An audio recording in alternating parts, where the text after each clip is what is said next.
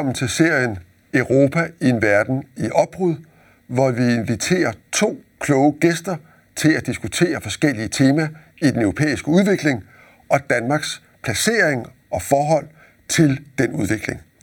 Og i dag skal det handle om klima. Kan EU gøre noget? Og gør vi det? Og til den diskussion har vi inviteret Ditte Jul Jørgensen, der er generaldirektør i EU-kommissionen, tidligere leder for Margrethe Vestagers kabinet og i øvrigt handelsekspert.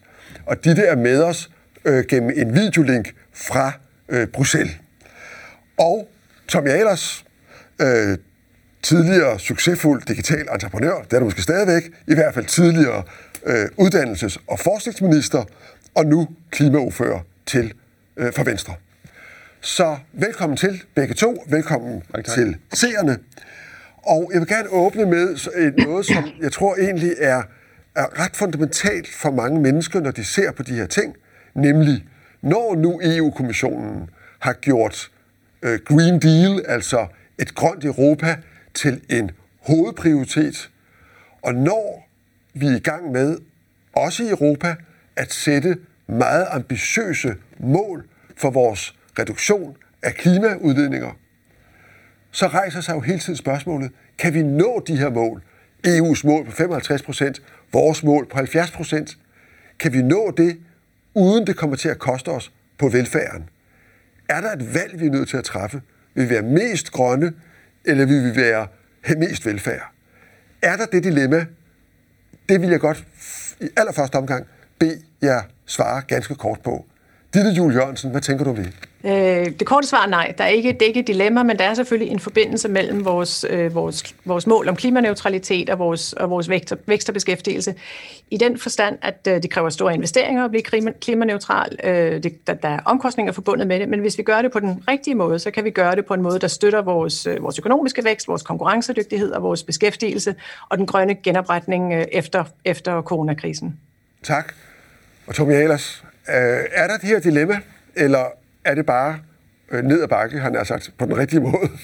Nej, det, det dilemma er der ikke. Faktisk er de samme årsager, som, øh, som, som dit også nævner der, at hvis vi gør det her på den rigtige måde, så bliver det her, især for et land, hvis vi lige tager de europæiske briller på, især for Europa, som jo på mange af dem her, det brøste med i Danmark, men også hele Europa er jo godt med på den grønne dagsorden, på mange energidagsorden, sammenlignet med, med Asien, sammenlignet med, med, med hele det amerikanske kontinent. Så derfor er det faktisk en, en, forretning, en kæmpe forretningsmulighed og en vækstmulighed for Europa, hvis resten af verden også øh, gør det her. Men lad mig så lige udfordre det, fordi øh, det er jo det, vi godt kan lide at høre, og det er også det, vi gerne vil, vil tænke, at det her kan, er sådan set en win-win. Win for klimaet, win for økonomien. Men hvad er så, lad os nu bare sige, de to vigtigste tiltag, som vi skal gøre, og vi er i den her forstand, Europa og medlemslandene, sammen, hvis vi skal pege hver især på to ting, hvor I tænker, det her er de allervigtigste tiltag for faktisk at nå det her både på den korte bane, altså i løbet af de næste 10 år, og på den lidt længere bane, hvor vi inden 2050 helt skal have øh, opnået neutralitet på klimaområdet. Og igen vil jeg gerne starte med, med dig, øh, Dette Julie Jørgensen. Hvad er, det, hvad er det vigtigste? Jeg vil sige, den første ting er, at vi skal sætte en klar retning, så der er en, en klar ramme, en investeringsramme, der vi, øh, at der er sikkerhed for investorer, og vi er sikre på, at vi, vi har et fælles mål. Og det er jo det, vi er færd med at gøre med The European Green Deal, altså den, den fælles grønne pakke, hvor vi siger, at vi vil gerne være klimaneutrale i 2050, men vi vil gøre det på en måde, der øh, skaber vækst og, og beskæftigelse. Hvis vi har den klare ramme, så fremmer det investeringer, øh, det gør planlægningen øh, lettere, og vi kan være med til at rydde nogle af de sten af vejen, der ellers kunne være.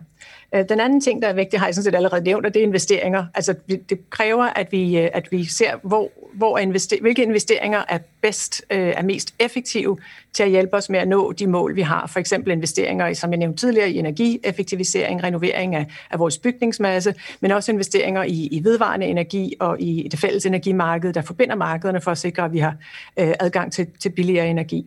Må jeg der lige, inden, inden jeg kommer, går over til, til Tobias, spørge dig, Øh, når du taler om investeringer, så er der selvfølgelig øh, en stor del af det, der kommer fra private investorer, som vi ikke har øh, øh, styr. Det er jo ikke øh, dine, om så må sige, men der er jo også en, en meget betydelig grad af investeringer, som kommer fra de øh, store finansielle instrumenter, vi nu har vedtaget for at genoprette vores økonomi efter covid-krisen. Så øh, hvordan fungerer det med dem? I hvilken øh, udstrækning vil de her mange penge, hvor en del jo er gavebistand til medlemslandene, hvordan fungerer det i forhold til øh, at sikre de investeringer, du taler om? Så du siger, så er der rigtig store beløb øh, til rådighed, vi har vedtaget, eller der er noget politisk enighed i hvert fald om den, sådan, det, vi kalder den flereårige finansielle ramme, altså det fælles europæiske budget mellem 20 og 27, og så er det det, vi kalder Next Generation EU, som er sådan en, en genopretningsfond. Øh, så vi taler om 1,8 øh, øh, tri, trillioner hedder det på engelsk, jeg ved ikke engang, hvad det hedder på dansk, men, øh, men euro, der er, der er til rådighed i vores genopretning, øh, til vores genopretning. Øhm, Måden pengene vil blive brugt på afhænger i høj grad af nationale beslutninger. Så med andre ord har vi en, en fælles europæisk ramme, vi har nogle fælles europæiske finansieringsinstrumenter, men det er op til den enkelte, det enkelte land og den enkelte regering øh, at, at, øh, sætte, at, at fremlægge en plan. Der er to planer her, der er relevante for de nationale regeringer. Det ene er en national energi- og klimaplan, som alle medlemslande allerede har sendt til os, som, som, vi, har, som vi har analyseret og set på, som, som fremlægger, hvordan vil det enkelte land i deres politik og deres investeringer nå til vores øh, fælles mål i 2030. Og den anden plan, der er noget nyt, det er en følge af, af krisen.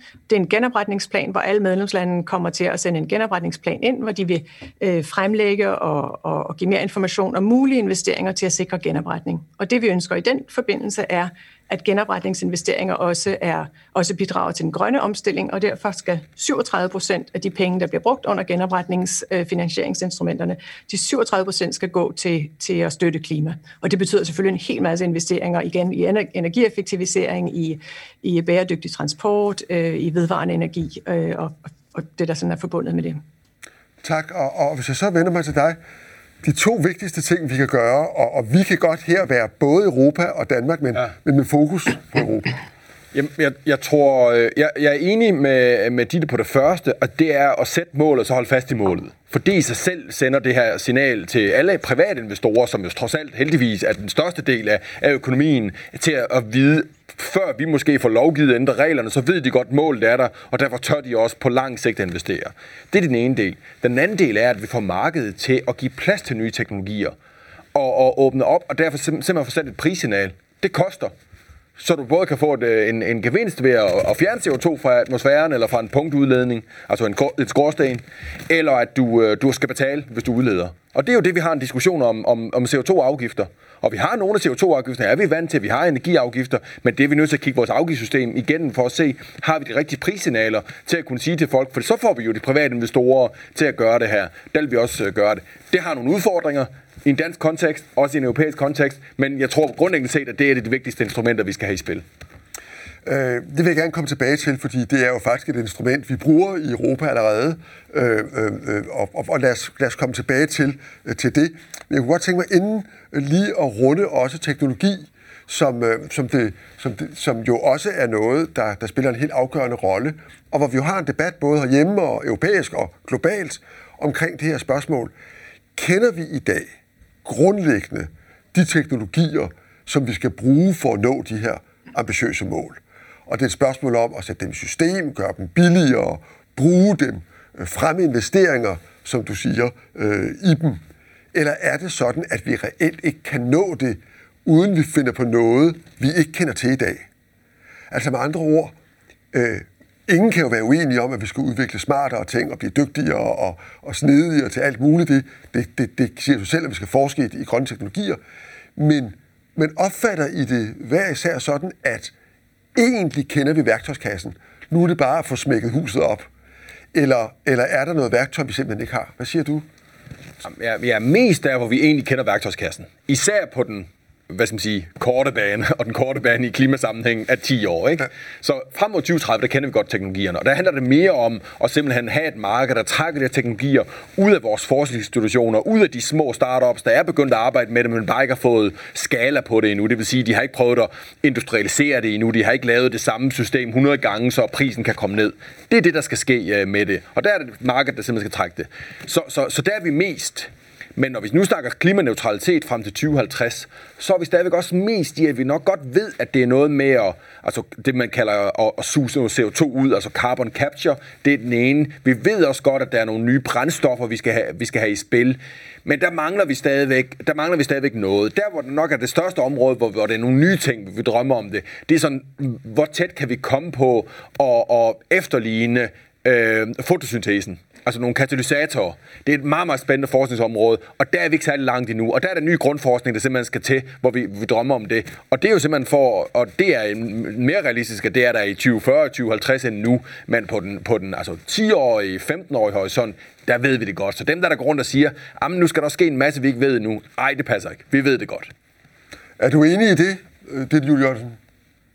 Ja, tak. Det er sådan set grundlæggende. Altså jeg vil sige, vi har, vi, vi ved, vi kender en masse af den teknologi, vi skal bruge. Vi har vind, og vi har, vi har sol, vi har brint som, som energivektor, energi, øh, øh, energiopbevaring, øh, vi har batterier, vi har en masse af de ting, der, der skal til fra et energis, energisynspunkt for at blive klimaneutral. Vi har øh, øh, elektriske køretøjer, elektriske busser og den slags ting. Så vi har rigtig meget af det. Jeg tror, vi skal passe på ikke ligesom at sige, okay, så har vi det, så har vi vind. Vi kan jo blive ved med at dygtiggøre os inden for vind, og vi kan blive ved med at forbedre de teknologier, øh, vi har. Så er jeg også enig med Tommy i, at der er teknologier, der er stadigvæk sådan helt på begynderstadiet. Øh, hvis du for eksempel, øh, hvis vi ser på offshore vedvarende energi, der er vi virkelig gode til vind i Europa, men der er jo også tidevand og bølger og alger og en hel masse andre øh, vedvarende energikilder i, i det hav, der omgiver os, øh, hvor vi skal fortsætte med at forske og fortsætte med at gøre os bedre. Øh, så synes jeg også pointen om øh, innovation og teknologi i forhold til markedsføring og opskalering er meget, meget vigtig. Øh, det vi kan se i Europa, det er, at vi er virkelig, og i Danmark for den sags skyld, vi er virkelig, virkelig dygtige til at finde på. Vi har, har gode forskningsinstitutter, øh, så der kommer rigtig mange patenter ud af det. Når det så kommer til det næste skridt, altså opskalering og markedsføring, og, og blive dem, der tager til den, også, også når det kommer på det, til det globale marked, så går det nogle gange meget, meget godt, men det går ikke forholdsmæssigt, er vi ikke helt så stærke der. Så vi skal også arbejde mere på øh, at, at hjælpe startups og være med til at, at skabe et marked for det. Og det kan vi selvfølgelig kun gøre øh, fordi vi har et stort fælles europæisk marked. Så du kan sige, at som udgangspunkt, så er vi mere konkurrencedygtige af den grund, fordi vi starter fra et stort fælles marked, og igen et marked, der har det her helt klart, den er helt klare målsætning om at blive klimaneutral øh, i 2050, øh, som skulle også hjælpe, som også skulle være med til at hjælpe både de private investeringer, som, som Tommy også refererede til, øh, give dem den sikkerhed, der skal til for markedet, øh, men også hjælpe øh, eksporten og konkurrencedygtigheden på, på længere, både nu, men også på længere sigt. Ja, for, men, men, men hvorfor er det, vi taber lidt på den der opskaleringsbane, øh, øh, øh når vi er gode til at, at, at, at finde på tingene, og når vi i øvrigt øh, har de her målsætninger, som vi begge to fremhæver, så meget vigtige. Hvad, hvad, hvad er grunden til det? Det er fordi mange af de her nye teknologier har jo ikke været, de er dyre at få i gang, og så dem, der så ligesom skulle købe teknologierne og få dem ud på markedet, det, skulle, det var få virksomheder, fordi det var få meget idealistiske virksomheder, eller virksomheder, der er virkelig gået meget på en niche på at være grønne.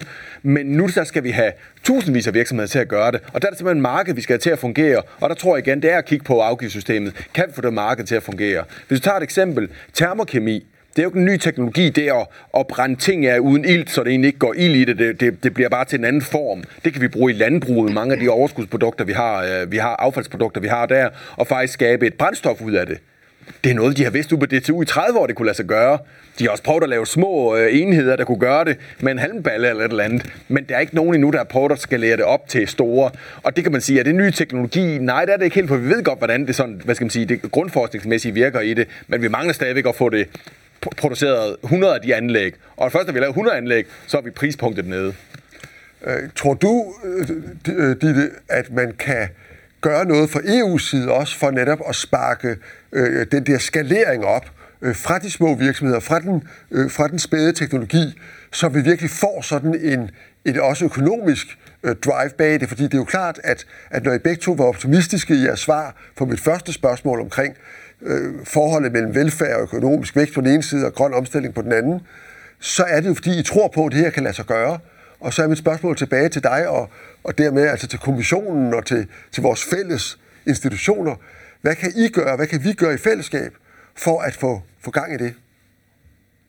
Jeg tror faktisk, der, jeg tror, der er rigtig meget, vi kan gøre, og der er rigtig meget, vi, vi gør. Vi, har, øh, vi er i færd med at skabe den her øh, den her ramme for den, for den grønne vækst i Europa. Det er det, øh, øh, The Green Deal øh, i virkeligheden drejer sig om. Øhm, du kan starte på den, på den finansielle side, altså hvordan får vi det finansieret? Øh, der er selvfølgelig, som, øh, som vi har nævnt, der er den, den, den offentlige finansiering til forskning og udvikling, øhm, men så er der øh, lige så vigtigt, eller endnu mere vigtigt, som Tommy også har sagt, er de private investeringer, og det vi gør der er for eksempel en fælles terminologi, altså en taksonomi om bæredygtig investering, for at være med til at guide øh, markedet, simpelthen om hvilke investeringer giver mening, hvilke investeringer bidrager til den her mere langsigtede, mere langsigtede øh, vækst øhm, så er vi også i færd med at bygge øh, sådan teknologialliancer, altså inden for de teknologier, hvor vi kan se, at vi, vi er på vej, vi har startet noget, men, men det skal opskaleres, og tit kræver det samarbejde mellem forskellige medlemslande, eller mellem industrier eller virksomheder, eller små og mellemstore virksomheder i forskellige medlemslande. Så vi har en batterialliance, vi har lige øh, etableret en brintalliance, fordi brint øh, forventes at blive et af de nødvendige sådan, energivektorer, eller øh, måde at transportere og opbevare øh, den, den højere grad af, af øh, vedvarende energi, der kommer fra, øh, fra, fra el, øh, den højere grad af den elektricitet, der kommer fra den vedvarende energisektor. Så det er bare nogle helt konkrete eksempler på arbejde, der, hvad kan man sige, udgår fra en fælles ramme i Bruxelles og fra nogle strategier, nogle fælles strategier i Bruxelles, men der i virkeligheden arbejder helt ude på markedet og, og, og i det lokale. Så er der også brug for øh, offentlig investering i den tidlige fase, altså teknologier, der er lovende og interessante, kan det godt være svært at få markedet til at komme ind øh, med det samme, fordi der er så høj grad af usikkerhed. Og det kunne for eksempel være bølgeenergi, eller, øh, eller tidvandsenergi, eller, øh, eller lignende, øh, som er på sådan et, et teststadie, men for, som faktisk har vist sig at fungere mange steder. Og der bliver du nødt til at have noget, noget offentlig investering for at være med til at sætte markedet øh, i gang. Og det kommer vi så med i vores genopretningsfond og i den, i den fælles øh, europæiske finansielle ramme, som jeg nævnte tidligere. En af forudsætningerne for det her, det er jo, som du var inde på før os, at vi får en eller anden form for prissætning på udledninger, og dermed gør det dyrt at udlede, og på økonomisk attraktivt at lade være, eller måske der kunne fjerne udledninger. Øh, og det er jo en gammel idé, og den er indlysende rigtig. Jeg tror ikke, der er nogen, der benægter det, men det har vist sig helt utrolig svært at få det til at fungere i praksis. Altså at få en pris. Og faktisk har EU jo gennem Gud ved hvor mange år øh, haft et, et, øh, et system, som, øh, som øh, et fælles handelssystem, et kvotesystem, hvor der i nogle sektorer bliver pålagt en afgift for virksomheder, øh, som udleder meget, og det kan, kan de så øh, øh, handle mellem sig, sådan så udledningerne, eller reduktionerne i udledningerne, ideelt set kommer de steder, hvor det er billigst, hvor der så at sige, hvor man kan få mest udledningsreduktion for færrest penge.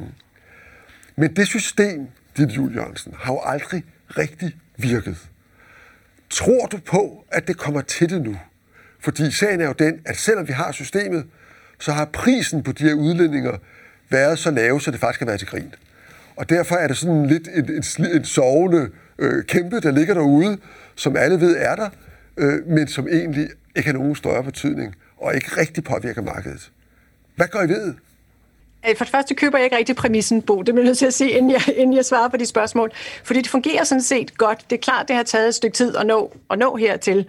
Øh, fordi der i, i starten var simpelthen for mange kvoter på markedet, og derfor var prisen ikke høj nok til at have en, en reel indflydelse. Men det vi kan se nu, øh, er, at vi har lavet en masse forbedringer over det, over det sidste årti, og vi kan se, at de sektorer, der er dækket af det, af det europæiske sådan, klimakvotesystem, øh, der er der faktisk, har der været en, en betydelig ekstra reduktion af, af drivhusgasudledningerne. Det dækker her nu cirka 45 procent af, af vores økonomi og vores, af vores industri. Og det har sådan set fungeret. En af de ting, der har været med til at få det til at fungere, er en stabiliseringsmekanisme, der blev vedtaget eller trådt i kraft øh, sidste år, og den har allerede haft en, en betydelig effekt og været med til at sikre et, et prisniveau, der gør, at det har en reel indflydelse på, hvordan, hvordan markederne agerer og hvor der investeres.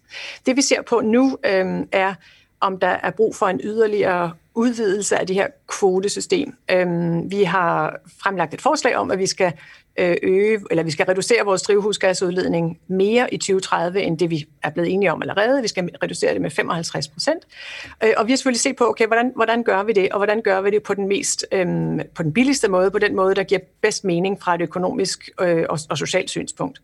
Øh, og det er klart, at en af de ting, vi ser på, er en udvidelse af kvotesystemet til andre sektorer, hvor det ellers har været svært at nå rigtige, øh, nå, nå, nå rigtige forbedringer i forhold til drivhusgasudledningen, for eksempel transport øh, og, og opvarmning, som, som to eksempler, vi ser på.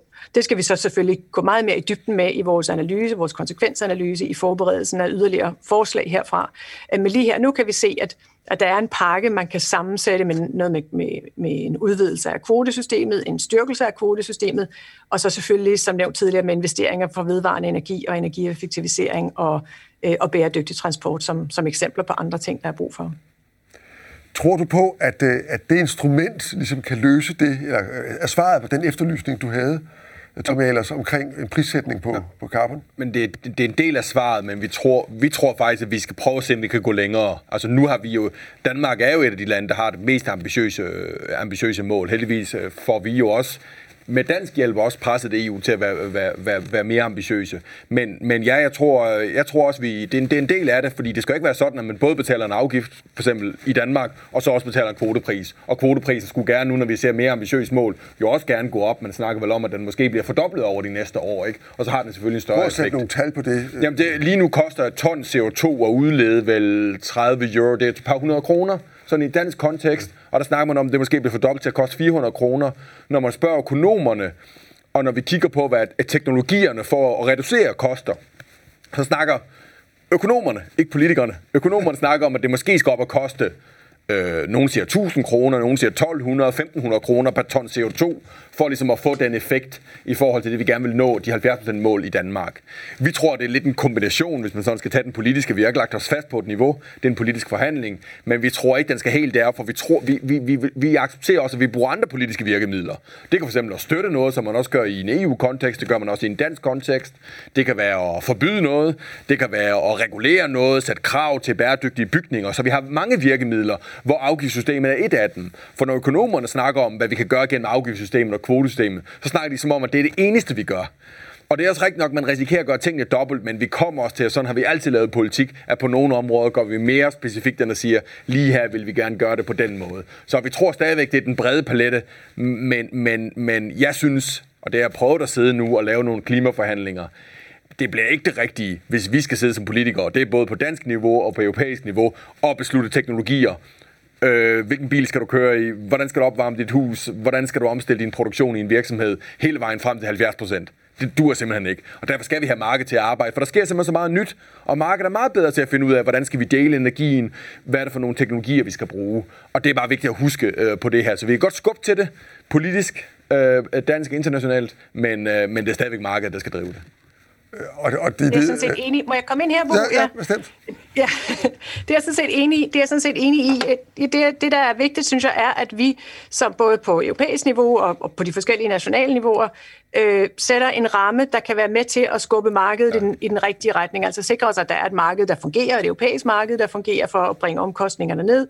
Sikre os, at der er de nødvendige øh, investeringer, der er brug for. Og så skal vi selvfølgelig også sikre os, at vores øh, afgifts- og skattesystem arbejder i den rigtige retning. Det vi ser nu i, i en del medlemslande er, at der stadigvæk er støtte til, til fossile brændstoffer, øh, men også at de afgift, afgifter, der pålægges øh, energi, øh, fra elektricitet, typisk er højere end de afgifter, der ligger på fossil energi. Og det giver jo ikke helt mening i en, klima, en klimakontekst, så, så jeg tror også, vi skal blive bedre til at bruge de økonomiske instrumenter, der er. Meget af det her er på nationalt øh, niveau, fordi beskatning er ikke noget, vi kan sætte en ramme for, eller, eller øh, det, er i hvert fald, det kræver i hvert fald enighed blandt alle medlemslande, så meget af det her ligger på, på nationalt niveau, men der er mange, der, der skal rigtig mange instrumenter i spil. Altså du nævnte værktøjskassen før, og det, der er brug for alle instrumenter i værktøjskassen. Men kan du, kan du dele Tobi Ahlers øh, vision om, at, at kvoteprisen, som jo er et instrument, EU har, skal op på, på noget, der er betydeligt højere end de der par hundrede, og måske oppe, op i nærheden af noget, der minder om 1000 kroner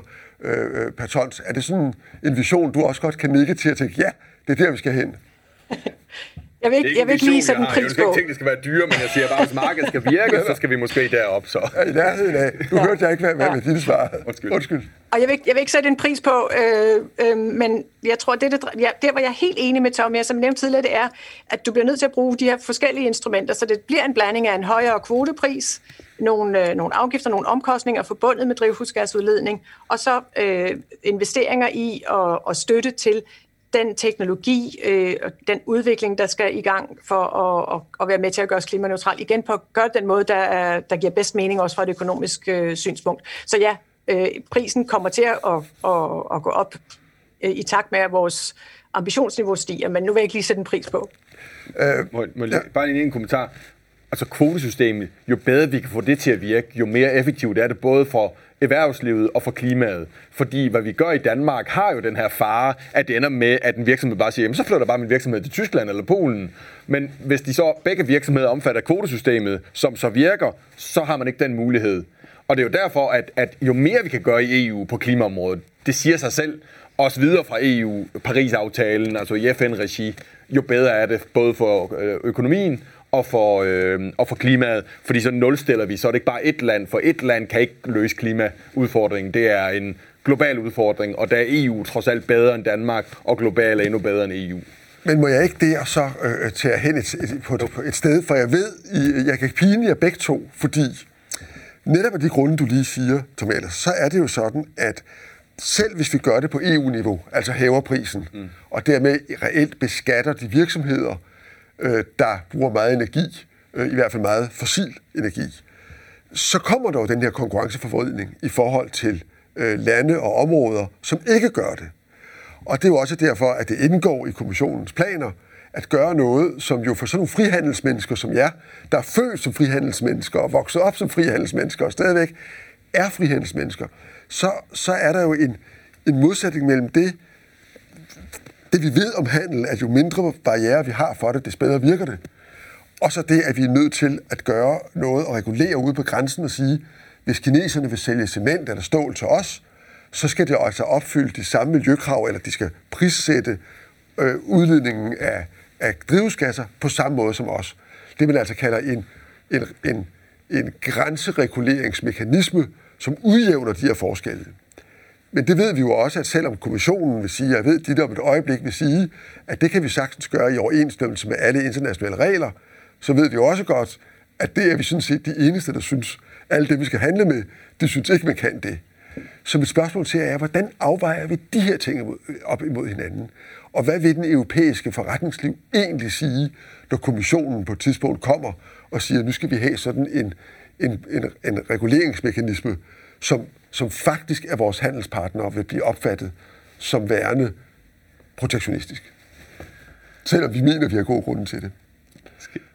Jeg ved ikke, hvem skal have lov til at Jamen, tænke det? Ja, men jeg kan godt prøve at starte først, for jeg tror sådan en grundlæggende problem, du spørger dig, hvad europæisk forretningsliv vil, vil, vil sige til det. Og jeg tror faktisk grundlæggende set, at de egentlig godt vil det, fordi at jeg oplever, at det, der sker i Danmark, og, og de, du kan måske bekræfte, det sker også i europæisk erhvervsliv generelt, at man godt ved, fordi når man sidder og driver en virksomhed, så en af de mest markante, hvad skal man sige, afvejninger, man skal lave, når man laver sin strategi, det er jo korttids profitoptimere eller langtidsrelevans. Altså jeg kan tjene en masse penge de næste tre år, så kan det godt være, at jeg er død som virksomhed om 10 år eller om 15 år, fordi jeg ikke behandler mine kunder ordentligt. Det er jo billigere ikke at behandle sine kunder ordentligt, bare luk for callcenteret. Det er noget dyrt, det skidt, ikke? Kundeservice, det er dyrt. Og sådan er det også med klimaet, at man godt kan gøre noget nu her, der optimerer for profit, men man er måske ikke relevant om 10 eller 15 år. For det tror jeg, de virksomheder, der siger, det, er ikke, det, det, det, det bekymrer vi os ikke om. De er simpelthen ikke relevante. Og det er også i en global kontekst, for den her trend er der. De unge forbrugere og unge er nærmest under 40 her, de har gjort op med sig selv, at de vil agere på den her dagsorden, og det er de nødt til. Og den kommer bullerne, kommer bullerne politisk, kan vi se, den kommer bullerne fra en forbrugervinkel, og dermed også fra en virksomhedsvinkel. Og det vil sige, at de europæiske virksomheder er længere på den dagsorden, så de siger, vi vil godt finde os i, at vores nationale regeringer begynder at tage den her dagsorden op og investere i det. Det ser vi dansk industri i en dansk kontekst sige så vil de da gerne have det sådan, at det på et globalt marked blev nulstillet, så de andre også blev tvunget til at forholde sig til det her. Og der tror jeg, hvis man havde mod i EU til at gøre det her, jeg ved godt, det er svært, hvis man havde mod i EU til at gøre og sætte den her, øh, vel en klima 12, kan vi også kalde det, i stedet for border adjustment, så tror jeg faktisk, at det vil skubbe de andre lande til også at begynde at forholde sig til det her. Og derfor tror jeg faktisk, at det har en effekt. Men det er sådan lidt chicken. Hvem, hvem, hvem tør først her? Og der mener jeg, at vi skal ture, fordi at, øh, vi har en chance nu her for at gøre noget ved det. Også i globalt perspektiv, og der er det her et af instrumenterne. Tør I det, det Julie Jørgensen? Ja, det tør vi. Det ligger sådan set allerede på, på tegnebrættet. Øh, det blev det en del af den europæiske grønne pagt, The European Green Deal. Øh, vi arbejder på et forslag. Lige nu arbejder vi på konsekvensanalysen, altså hvad, hvordan er den bedste, hvad er den bedste model, hvordan, hvordan gør vi det bedst. Og jeg synes, det er virkelig vigtigt i den kontekst at komme tilbage til noget af det, jeg tror, I begge to har nævnt. Altså for det første kan man ikke, klima, klimaudfordringen er global. Vi i Europa repræsenterer cirka 11 procent af, de samlede, af den samlede globale drivhusgasudledning. Og det vil sige, at vi kan, vi kan lave en lille bule, øh, men, men vores øh, foranstaltning kan ikke, gøre, kan ikke gøre, og vores investeringer kan ikke gøre meget mere end det. Det vi kan gøre på europæisk niveau, er, at vi kan være med til at sætte også en global dagsorden og skubbe den fremad ved, ved et højt ambitionsniveau, men også ved at sige jamen, øh, til andre, at hvis I ikke er med, så må vi se på de her, øh, på de her foranstaltninger ved grænsen, altså den klimatol, som, som, Tommy, som Tommy kaldte det, øh, fordi det har nogle omkostninger, og ellers har vi ikke et, et, et, et, et, en fair, et fair marked globalt. Øh, så, så det bliver vi nødt til at se på. Målet er selvfølgelig ikke at gøre øh, vores importvarer dyre, og målet er sådan set heller ikke at, at sætte en tolv på noget som helst. Målet er at skabe et incitament øh, til, andre, øh, til andre lande øh, til at gå ind og gøre noget på klimadagsordenen. Det, jeg synes har været virkelig interessant at se over just i bare de sidste par, par måneder, er, Øh, at øh, vi meldte ud først fra Europa og sige, at vi vil være klimaneutrale i 2050. Det er der enighed om blandt de 27 øh, medlemslande. Siden der er der faktisk tre store globale markedaktører, der er fuld efter. Der er Kina, der ønsker at blive det, de kalder karbonneutrale i 2060. Der er Japan, og der er, er Korea. Så det har været en ret hurtig sådan udmelding, øh, som jeg tror til dels kan tilskrive selvfølgelig Paris-aftalen og den overordnede sådan, udvikling og, og, og hjemligt pres også i de lande, men jeg tror bestemt også, det har noget at gøre med den dagsorden, vi har sat, og de udmeldinger, vi er kommet med. Øhm, og jeg tror, vi kommer til at se flere i, i de kommende måneder og år. Så hvis man ser på det på global plan, så, ser, så arbejder vi selvfølgelig også med instrumenter, der kan være med til at skabe den, den retning, fordi klimakrisen kan kun løses globalt. Øh, og betyder det også, at I vil række ud til øh, vores store handelspartnere, for eksempel nu den nye amerikanske administration, og sige, øh, vi vil gerne lave en fælles øh, klimatol øh, med jer, så vi undgår at skabe mere uro i det internationale handelssystem end højst nødvendigt. Ja, det er klart, når man, når man planlægger en foranstaltning som en, som en, sådan en grænsekvote eller en klimatol, så øh, gør man det i, i tæt samarbejde med store, med store samhandelspartnere, og i, i, den, den bedste løsning er noget, der finder sted inden for et internationalt samarbejde, og helst multilateralt, så så mange øh, som muligt er med. Så det er klart, at i den forbindelse rækker vi ud og, og, og, og diskuterer med andre, øh, hvordan, den skal, hvordan den skal hvordan det kan tilrettelægges, og hvordan man, man bedst gør det. For at komme tilbage til dit spørgsmål om verdenshandelsorganisationen og de internationale handelsregler, altså kan man overhovedet gøre det? Du, du øh, forudser helt rigtigt, jeg vil sige, at det kan man godt, øhm, men, men det er selvfølgelig, det kræver øh, et, et øh, godt stykke teknisk arbejde, øhm, og så kræver det også, at den måde, man gør det på, ikke diskriminerer mod nogen. Og derfor skal man gå ind og se på, jamen, hvilke lande øh, er der en reel det, vi kalder carbon leakage, altså fra hvilke lande er der et problem i forhold til klimadagsordenen, hvis vi ikke pålægger den her, den her 12 eller den her grænse øh, øh, foranstaltning. Øh, så, så, så foranstaltningen, måden de udarbejder den på, skal selvfølgelig være tæt forbundet med drivhusgasudledningen, og med hvor er de lande selv i deres nationale systemer, har de, øh, har de selv nogle måder at begrænse på, sådan så der, så der ikke er den her, det her carbon leak eller, eller CO2 leak? Øh, det fører mig til et, et, et, et helt altså et beslægtet, men dog anderledes spørgsmål, fordi vi kan jo godt lide øh, at fremstille os selv, det har I også gjort begge to her i dag, som, øh, som dem, der virkelig leder på det her. Vi, Danmark er de allerbedste, og lige efter os kommer Europa, og, og, og det er jo det, sådan, når, når vi holder spejlet op, vi ser os selv. Men det er jo også en del af realiteten her, at øh, Kina øh, er utrolig langt fremme på grønne teknologier, og øh, den kinesiske ledelse lægger jo ikke skjul på, at Kina har en ambition om at være verdens førende grønne industrimagt, og at mange af de teknologier, som vi også har talt om, og som, som vi skal bruge til det her, de kinesiske, og kineserne øh, er på mange områder jo mindst så langt fremme, hvis ikke de er længere fremme, øh, end, end vi er i Europa på de her ting. Er det for eksempel, og nu bare for at gøre det meget konkret, øh, øh det er jo sådan i dag, at næsten alle solceller, der bliver produceret i verden, dem, der er billigst, dem, der er bedst, dem, vi bruger, de er stort set kinesiske. Øh, der var engang, at vi havde en stor solcelleindustri øh, i Europa. Det har vi ikke mere. Nu har kineserne den. Er det et problem for os, at noget, der er så centralt i vores fremtidige energiforsyning, som i øvrigt også jo er digitalt og forbundet til vores, øh, vores, vores elnet, er det et problem for os strategisk, at det reelt er kinesisk? Og, og mens I tænker, så øh, det, det, den lille drejning på det, at det her hænger jo også sammen med noget af det, som, som vi også taler om i Europa i øjeblikket og i de her år, altså autonomi, su- suverænitet, øh, strategisk uafhængighed, industrielle politikker. Altså med andre ord, er vi nødt til også at tænke det her strategisk på den måde, at vi, vi vil selv have det, vi vil selv kunne det. Eller skal vi bare gå ud på markedet og købe det der, hvor det er billigst og bedst? Ditte først, og så Tommy. Ja. Øh, jeg synes, øh, vores, vores sådan vinkel på det her er, at vi skal selvfølgelig være strategiske omkring det. Vi bliver nødt til at se sådan på den lidt længere bane og sikre os, at vi er det, vi kalder, som du, som du også refererede til, som strategisk autonomi. Altså, at vi har en, øh, en forsyningskæde øh, og et system, herunder et energisystem, der er, er godt rustet til, hvad nu end fremtiden måtte bringe. Men jeg tror også, det er vigtigt at understrege, at strategisk autonomi og uafhængighed og sikkerhed betyder ikke, at vi skal producere det hele lokalt. Øh, slet, slet ikke. Det betyder, at vi skal se på de forskellige forsyningskæder, for de forskellige produktionskæder, vi har, og sikre os, at de er i orden, og at de er diversificeret, altså at vi kan købe fra forskellige, øh, fra forskellige steder. Så hvis en skulle bryde ned, hvis en skulle lukke for, for vandet eller for gassen, så kan vi, så kan vi få det et andet sted fra. Så, så det er sådan en, en, øh, en strategisk tankegang, men den er, den er noget mere nuanceret end, end ideen om, at nu skal vi producere det hele lokalt. En anden ting i den, i den forbindelse, der er interessant, er, at som du sagde, så er den meste, det meste af solcelleproduktionen er rykket ud af Europa for 10-15 år siden. Øh, men der er faktisk øh, stadig en produktion i gang i Europa, og den produktion, der er i gang, er i høj grad konkurrencedygtig. Den er mindre, men det er på de nyere teknologier, altså de mere, øh, de, de sådan mere udviklede, mere effektive dele af, af solenergi, for eksempel, der stadigvæk produceres i Europa, her, herunder solceller, der kan integreres i bygninger og, og i, i landbrugsmaterialer. Øh, så, så billedet er, vil jeg sige, lidt mere, sådan, lidt mere optimistisk, end, end man kunne tro. Øh, og det er selvfølgelig nyttigt, hvis vi kan, hvis vi kan være konkurrencedygtige på det, der, der vi er, det, vi, det vi er bedst til, men også der, hvor vi kan få den højeste indtjening, altså der, hvor der er mest sådan value added, øh, så gør det sådan set ikke så meget, at der er ting, vi skal købe andre steder fra.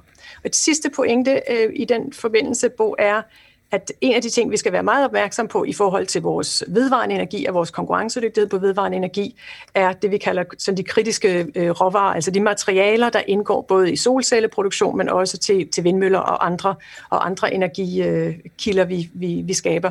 Så det, det, igen, det er en del af hele forsyningskæden og vores forsyningssikkerhed, øh, hvor vi skal sikre os, at vi er diversificeret, diversificeret og vi har, har, har en strategisk tilgang til det der bliver, jo, der bliver jo nuanceret lidt på de protektionistiske synspunkter, yeah. men, øh, men hvordan... hvordan, hvordan? Jo, altså, men det er jo, nu nævnte du selv, øh, det, det er et rigtig godt spørgsmål, du nævnte selv frihandel før, så vi skal, jo, vi skal jo både kunne stadigvæk handle, fordi vi vil også gerne have, at europæisk erhvervsliv også bliver presset til at være skarpere, og det gør de ved at have et Kina eller et USA, der også øh, går ind og siger, hey, se hvad vi kan lave øh, sol, øh, en, en, et, et solcellepanel til, sammen med jer. Det presser jo også til at gøre det, så det er jo godt, og så, kan det også, så ender vi også med at købe noget af det. Det skal vi fortsætte med, men ellers er jeg enig med Ditte, vi er jo nødt til også at tænke på en autonomi her, men, men det er trods alt sådan, at øh, hvis vi skulle sammenligne en, en olieledning fra Saudi-Arabien eller Rusland med et, øh, et, et solcellepanel købt i Kina, Kina kan trods alt ikke lukke for solen. Så når vi ikke engang har købt panel, så har vi jo stadigvæk energikilden, hvorimod øh, øh, gassen eller olien skal jo stadigvæk pumpes ind hele tiden, og der har man en anden, fordi hvis der nu skulle ske noget her med, med en, en, en forsyningskæde, der ved, men den stammer fra vedvarende energi, så har vi nogle år til at omstille os. Så jeg er lidt mindre bekymret lige præcis på den, selvom der er digitale elementer i det. Men, men, men vi er jo nødt til, altså som, som udgangspunkt, vi skal kunne klare os selv. Og det kan vi godt i Europa med det, med det, vi gør, men vi skal også fortsætte med at handle. Var det ikke et dejligt politikersvar? Jo, det var, det var. Øh, men altså, det er lige så godt som en embedsmandssvar. Jeg, jeg, jeg, jeg, jeg kan godt se, at det er et spørgsmål, og jeg tror faktisk, det er et spørgsmål, altså både omkring den her grænsereguleringsmekanisme, eller klimatol, ja. øh, og så det her med den strategiske øh, autonomi, hvor, hvor rigtig mange mennesker er i tvivl, ja. og hvor jeg også tror, det er rigtigt at sige, også at i kommissionen, øh, øh, men også i både erhvervslivet og i det borgerlige Danmark, har flyttet sig meget langt øh, i de seneste år. Og, og det jeg er ikke helt sikker på, at den flytningsproces, eller den bevægelse, er helt forbi. Øh, øh, I hvert fald synes jeg, at jeg kan fornemme, øh, at, øh, at, at der sker en mental ændring i måden, vi, vi ser de her ting på. Hvor vi prøver selvfølgelig at holde fast i det bedste af begge verdener, øh, men hvor der måske alligevel er lidt mere øh, idé om, at vi er nødt til at kontrollere lidt mere af, af helheden selv. Men, men vi har jo ikke, men, men tilbage til, altså det, det, internationalt, så kan vi være bange for, for, for, for Kina eller Rusland eller, eller øh, et, et USA med en leder, vi måske øh, i, i for, øh, for kort tid siden ikke helt var, øh, var, en, var så meget enige med. Men, men tilbage til at huske, klima er globalt så det nytter ikke noget. Så vi har også interesse i, at nogle af de grønne teknologier, vi laver i Europa, kommer til de lande. Altså, så den der samhandelsting, den har næsten aldrig været vigtigere nu, fordi det også handler om at udveksle erfaringer. Så vi vil også gerne lære noget af det, de er bedre til i Kina. Fordi hvis de kan reducere noget derude, og stadig producere til en pris, der faktisk er til at øh, gøre, at vi stadigvæk har, har, har velstand, så vil vi da gerne have det til Europa og til USA på samme måde den anden vej. Så, så jeg tror altså ikke, øh, nogle gange ser verden dystopisk ud, og vi tror, at vi nærmest skal, skal klare os selv øh, med det hele. Men heldigvis, hver eneste gang vi tror, det er dystopisk, så sker der noget godt. Biden bliver valgt, og Kina sætter et carbon-neutralt øh, mål i 2060. Altså, det skal nok gå det hele. Mm. Ja, og det er jeg sådan set helt enig Undskyld, jeg, jeg er helt enig med, med, med Tommy i de handelsmuligheder. Altså for os, for Europa og for Danmark øh, specifikt, er der en enorm mulighed i en, øh, en overordnet global bevægelse hen mod klimaneutralitet, mere vedvarende energi, mere grøn teknologi. Det skaber nogle kæmpe markedsmuligheder, som vi gerne vil bruge som, som, øh, som eksportnation og som eksportfællesskab, øh, som, som Europa jo virkelig i, i høj grad er. Og så er jeg også enig i, at den her uafhængighed, den her strategiske øko, øh, autonomi, den skal både være, det skal være en åben strategisk autonomi, men også at vores uafhængighed og vores øh, sikkerhed er selvfølgelig højere med vedvarende energi, fordi når det først er her, så er vinden og solen øh, lokal, om jeg så må sige. Så helt enig med det. Jeg kunne godt tænke mig at, øh, at slutte af med en, øh, et spørgsmål, som, som jeg tror også optager rigtig mange, og som sådan nogen, han har sagt, sådan nogen som os, der diskuterer det her, måske indimellem mister blikket for. Og det har at gøre med rollefordelingen mellem forskellige aktører i denne her øh, verden og, og i forhold til det her klimaproblem. Altså med andre ord, der er jo ligesom, der er Europa, eller verden, og så nedenunder den, så er der Europa, der er en del af verden, og nedenunder det er der medlemslandene, de enkelte nationer, vi har vores egen klimamålsætning i, sidder og kæmper i Folketinget om udmyndningen af det, øh, ligesom de sidder og kæmper i Europaparlamentet om, om, øh, om øh, øh, budgettet og hjælpepakken øh, og få det helt på plads. Øh, og så er der øh, et, øh, et, både et, et, et lokalt og et globalt erhvervsliv, som har store interesser, som vi begge to øh, har, har slået på flere gange i den her snak. Men så er der jo også, øh, også os, men som borgere, som mennesker, der skal sortere affald, eller spare på lyset, eller overveje at købe en elektrisk bil, eller om det er overhovedet forsvarligt at rejse. Og det optager rigtig mange. Hvad er det? Hvad er mit eget ansvar?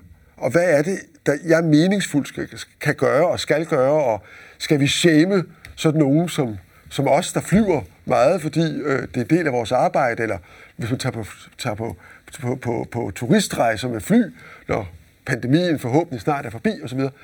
Hvor ser I hver især rollefordelingen? Hvor meget er det her et problem for os? Hver især.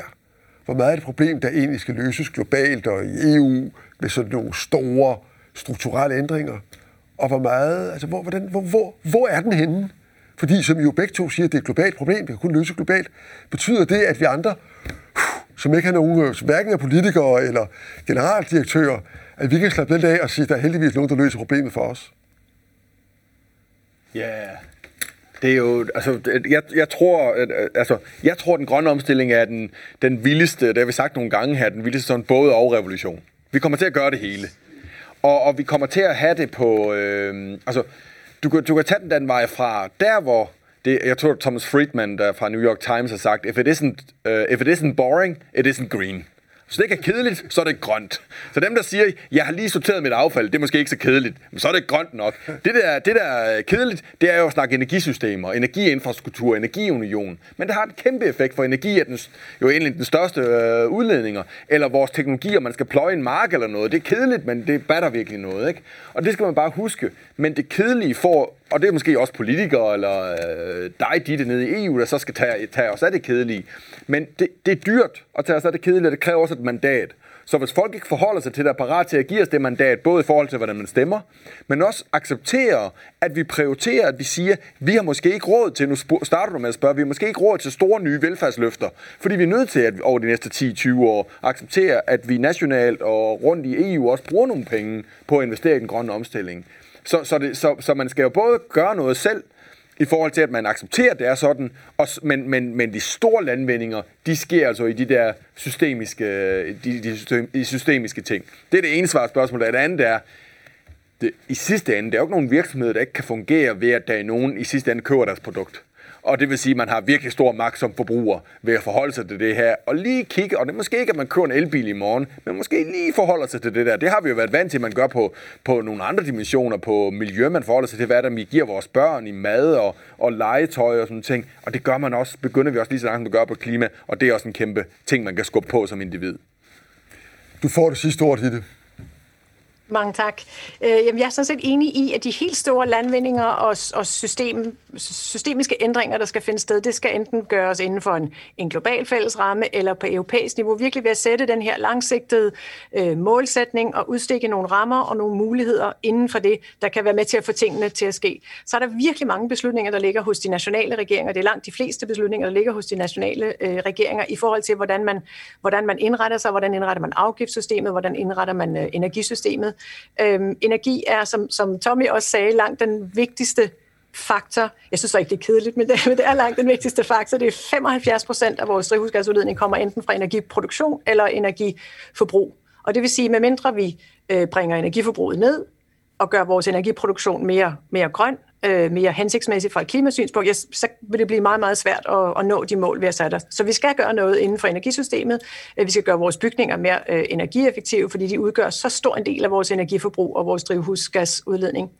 Og, og, og når du taler igennem de forskellige, forskellige instrumenter, den her værktøjskasse, så er der nogle ting, vi bedst skal gøre på fælles europæisk niveau, så den her ramme. Så er der rigtig mange beslutninger, der skal på lokalt niveau, for eksempel i en, i en kommune træffe beslutning om, jamen skal vi renovere vores, øh, vores, vores skoler og vores øh, fritidshjem og børneplejeordninger øh, for at gøre dem mere energieffektive energieffektive, øh, og hvordan, hvordan kan vi spare både på, den, øh, på det økonomiske budget, men også hvordan kan vi spare på klimabudgettet på det. Så der er forskellige handling på forskellige niveauer inden for den her fælles målsætning og, og fælles ramme. Så vi skal alle sammen gøre det hele, må være konklusionen. Yes.